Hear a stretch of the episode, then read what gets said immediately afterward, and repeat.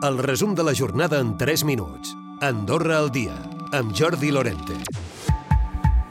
Concòrdia i Andorra endavant tenen l'esperança que finalment govern no tanqui l'acord d'associació amb la Unió Europea. Creuen, a més, que un no al referèndum tindria unes conseqüències molt dolentes. Les dues formacions no han secundat el pacte d'estat, com tampoc liberals, que critica que l'executiu ha posat sobre la taula un pacte que no és adient. Consideren tots plegats que és un pacte on manca ambició política. Per cert, les formacions polítiques del país reclamen també els estudis d'impacte per veure com afectaria a Andorra l'entrada al mercat únic. Uns estudis que es van decidir encarregar en la darrera reunió d'aquest pacte d'estat. I encara parlant de política, en aquest cas del representant de progressistes de CDP en aquest pacte d'estat per a la Unió Europea, Jaume Bartomeu, diu que està previst que CDP i PS renovin el pacte electoral en vista a les comunals del 17 de desembre. Bartomeu explicava al programa Avui serà un bon dia. No és que tornem a pactar, això ja està fet. Jo crec que jo, jo crec, però jo, jo veu, com que m'estic eh, atabalant tant amb Europa, no, no estic a les reunions de...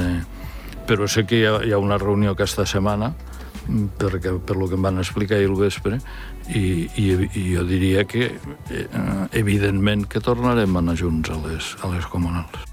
En qüestions de salut, el programa de detecció precoç de càncer de colon i recte ha confirmat 4 casos fins a l'agost. Es va convidar a participar-hi més de 8.000 persones, però només el 21% va fer-ho. La majoria de tests de detecció de sang oculta a la femta van donar un resultat negatiu i dels 97 positius ja s'han practicat 62 colonoscòpies. I encara també parlant de salut, el dèficit de la branca general de la CAS cau a la meitat durant el segon trimestre d'aquest any 2023 en comparació amb l'any anterior. Ara se situen als 11,4 4 milions. Per contra, es manté el superàvit de prop de 22 milions en la branca de jubilació. La continuïtat d'Air Nostrum com a operadora dels vols en Madrid suposa un increment d'uns 80.000 euros en l'aportació del govern. A hores d'ara, les negociacions estan en curs perquè es pugui renovar aquest contracte per un any més. I més de 250 persones han fet ús ja del servei de justícia gratuïta al primer semestre de l'any. El 2022 hi va haver 451 consultes, una xifra similar a la d'anys anteriors. La degana del Col·legi d'Advocats Advocats i Sònia Beixenc. Les dades són semblants als de l'any passat.